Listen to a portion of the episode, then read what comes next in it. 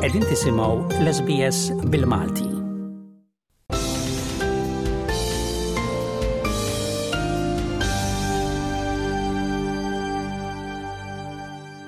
Din hi ġabra ta' aħbarijiet minn Malta.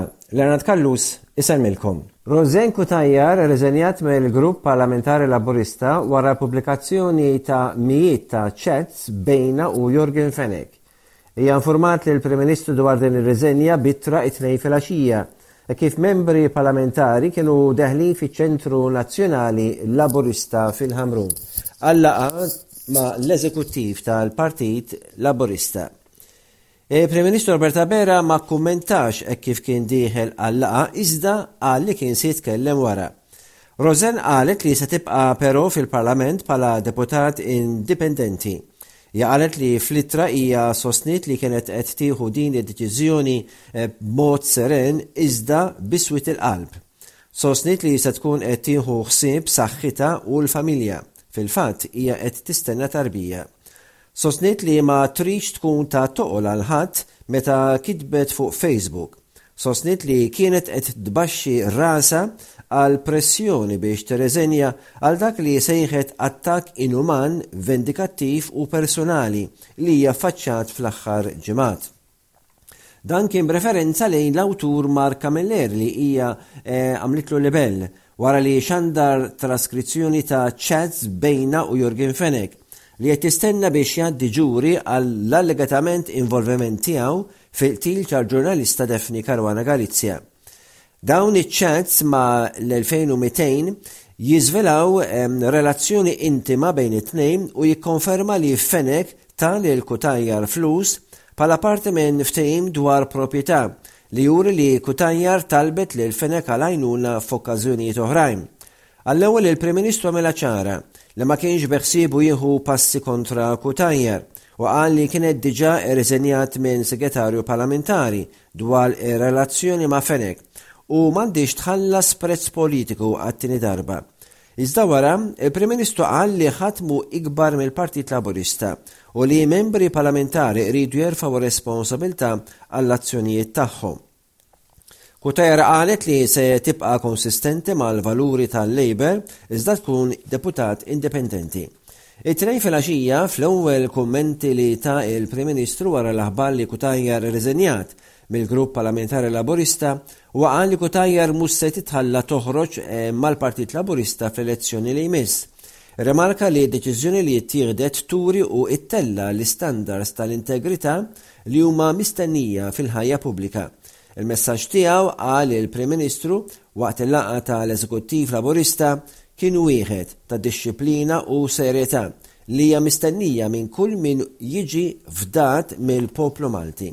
Intant, id-Deputat Prim Ministru u House Leader Chris Fearne ta avviż ta' mozzjoni jsejjaħ id-Deputat Laburista Randolph Debattista biex jieħu post Rosianne Cutajar fuq il-Kumitat tal-Affarijiet Soċjali.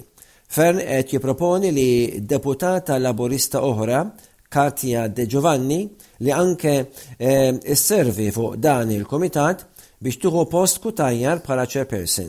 Il-mozzjoni biex titneħħa Cutajar mill-Kumitat Parlamentari trid tiġi approvata mill-plenarja parlamentari biex tiġi fis-seħħ.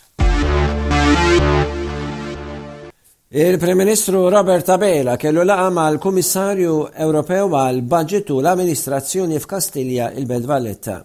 Qabel daħal għal laqgħa kellem lil ġurnalisti fejn qal li Malta se tkompli tabbuġġa familji u negozji u li l-finanzi jinżammu taħt kontroll minkejja l-problemi li jinħolqu fis-suq lokali. Iż-żjara ta' Johannes Hahn f'Malta qed issir fi żmien meta Stati Membri tal-Unjoni Ewropea ikunu qed jiddiskutu il-budget. Il-Prim Ministru qal li din id-diskussjoni ġiet f'kuntest partikolari e kif il-xenarju globali inbidel kompletament Mil-laqgħat li saru lura fis-sena 2020 fi Brussell, seħħew problemi kbar bħal invażjoni tal-Ukranja, żieda kbira fil-prezzijiet tal-enerġija, kien hemm ukoll inflazzjoni fl-ikel u r-raba' settur li jkun il-migrazzjoni kbira li impattew negattivament lil Malta minħabba l-pożizzjoni ġeografika tagħha. Il-Prim Ministru qal li l-Unjoni Ewropea trid tappoġġa lil poplu flimkien mal-promozzjoni tagħha tal-valuri Ewropej. Il-Gvern se jkompli jappoġġa lil poplu Malti u Għawdxi l-iktar dawk li għandhom bżonn. Il-Prim Ministru Spanjol Pedro Sanchez u l-Prim Ministru Robert Abela kellhom taħdidiet f'Kastilja Żewġ partiti li jiffurmaw parti mill-Grupp Soċjalista, fejn iddiskutew kwistjonijiet reġjonali u tal-Unjoni Ewropea, il-gwerra fl-Ukranja, il-migrazzjoni, it-tkabbir ekonomiku u pressjonijiet ta' inflazzjoni, fosthom l-ikel, il-mediċini u prodotti tal-enerġija. Il-Ministru Spanjol għamel żjara qasira f'Malta qabel Spanja tieħu f'idejha l-Presidenza tal-Unjoni Ewropea f'Lulju li ġej. Il-Prim Ministru Abela qal li Malta qed tippressa għal aċċess aħjar fil-mediċini fl-arena Ewropea u sostna li Malta hija fi żvantaġġ fil-prezzijiet u aċċess minħabba l-suq żgħar tagħha. Malta jeħtiġilha li l-mediċini jaslu għand il-Maltin bi prezzijiet ġusti qabel interessi privati. Sanchez min-naħa tiegħu qal Malta u Spanja jagħmlu parti mill-familja Mediterranja u jħares 'il quddiem għas-summit tal-Rebbiegħa għall-pajjiżi tal-Mediterran. Sostna il-pandemija u l-invażjoni tal-Ukranja urew il-bżonn ta' Ewropa b'saħħitha u awtonoma Il-Presidenza Spanjola tħares lejn titjib ta' relazzjonijiet kummerċjali ma' l-Amerika Latina u l-Afrika ta' fuq. Il-Prim Ministru Abela qal, Iż-żewġ pajjiżi se jaħdmu flimkien fuq il-migrazzjoni u l-bżonn li jiġi miżmum l-abbuż tat-traffikar uman. L-istabilità finanzjarja hija importanti iżda l-popli jiġu l-ewwel. Il-wegħdiet li għamel il-Prim Ministru Robert Abela għaż-żidiet fl-istipendji u Childrens Allowance, Intqalu fl-istess ħin li l-Ministru għall-Finanzi Clyde Caruana kien qed jitlob lill-poplu biex jissikka ċ-ċinturin. Il-Gvern għamel dawn il-wegħdiet għaliex qed jipprova ikopri għal tnaqqis fil-popolarità tal-Gvern. Il-Kap tal-Oppożizzjoni Bernard Grech qal dan waqt intervista fuq Net TV. Sostna li tajjeb ikun hemm żidiet, iżda dawn qed jingħataw mingħajr ebda viżjoni u b'xi l-Gvern isalva lilu nnifsu. Il-Partit Nazzjonalista kien jagħti dawn iż-żidiet marbuta ma' xogħol volontarju fl-istipendju tal-istudenti u żieda fiċ-Children's Allowance, fi sforzi biex il-pajjiż jirkupra mir-rata tat-twelid li qed tonqos. Malta fakkret l-44 anniversarju ta' Jum il-Ħelsien b'ċerimonja tradizzjonali ħdejn il-Monument għall-Ħelsien fil-Birgu, L-ogħla awtoritajiet iċċelebraw Jum il-Ħelsien il-Ġimgħa bi ċerimonja tradizzjonali ta' tqegħid ta' fjuri mill-President, il-Prim Ministru u rappreżentant tal-Kap tal-Oppożizzjoni. Abela flimkien mal-Sinjura Abela taw merħba lill-partitari u laqgħuhom wara li nataw merħba ħdejn il-monument. Il-President ta' Malta, George Vella, spezzjona Gwardja tal-Unur. F'diskors il-Prim Ministru ħabbar li se jkun hemm żieda fl-istipendji u Children's Allowance u jgħid li l-Gvern se jħares il qudiem għal ekonomija fil-futur bażata fuq diversifikazzjoni fejn iktar nisa jażlu impjiegi fix-xjenza, matematika u teknoloġija. Wieħed jitkomplija tal-liġijiet dwar l-ugwaljanza biex ikomplu jissaħħu Tax credits ġodda dalwaqt jiġu implimentati biex jiġu mgħejuna persuni b'diżabilità. Miżuri ġodda jkomplu jittieħdu f'diversi setturi biex ikun żgurat ġustizzja ma' kulħadd. Il-Gvern ikompli jaħdem fuq it-tajjeb li sar u jirranġa xi żbalji li seta' wettaq. Hawnhekk reġgħu jgħad sptar ġdid state of the art f'Għawdex u ambjent aħjar. U jgħid li dejjem se jkun man-nies. Il-poplu għażel li jafda fil-Labour għaliex dejjem żamm kelmtu u ma kienux arroganti. Abela qal li l-Gvern għandu l-ideat u l-enerġija biex jimplementa fil-futur, għandu r-rieda li jinbidel meta iwettaq l-iżbalji u kull miżura li jimplementa tirrifletti l-prinċipji tal-ġustizzja soċjali li jemmen fihom. Gvern li żamm il-prezzijiet tal-ilma, l-elettriku u l-fjuwil baxxi Hu wiegħed li jkompli jgħin lill-poplu jerfa' t-toqol, irrespettivament kemm ikunu kbar l-isfidi.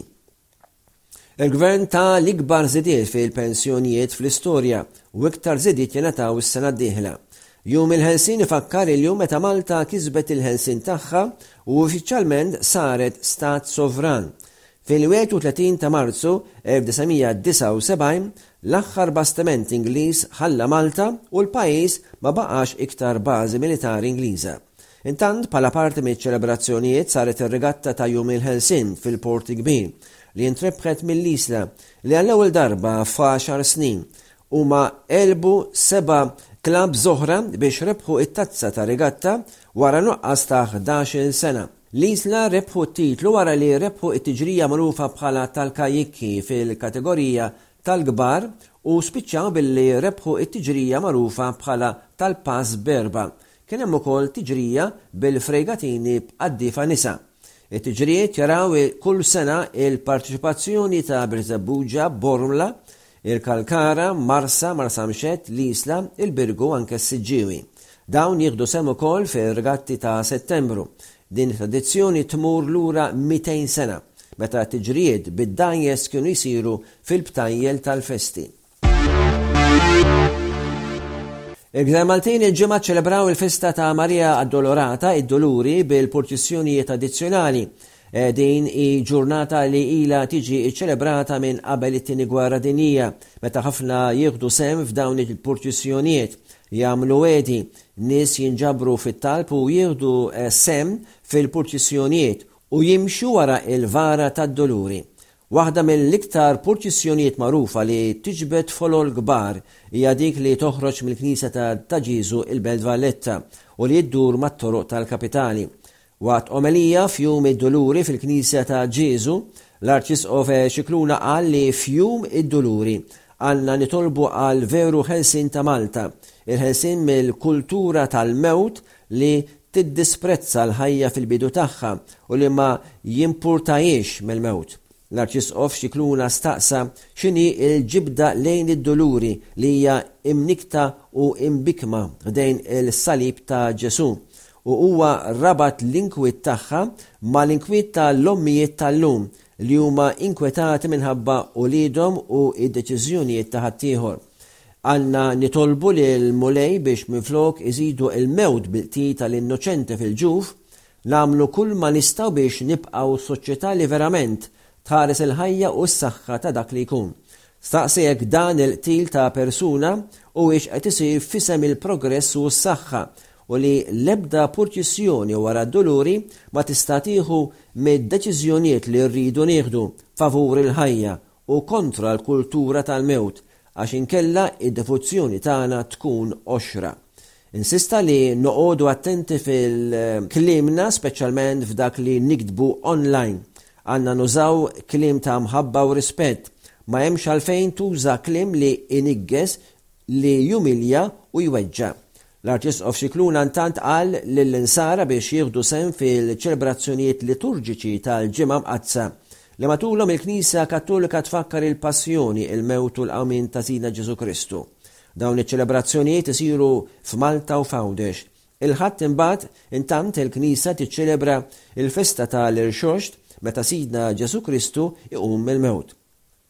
B'hekk ġejna fi tmiem din ġabra ta' aħbarijiet minn Malta, bħal dejjem, Leonard Callus jingrazzjakom tal-attenzjoni. Saħħa lil kulħadd.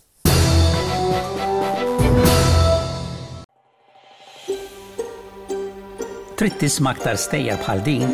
Isma' fuq Apple Podcasts, Google Podcasts, Spotify jew kull fejn tisma' l-podcast tiegħek.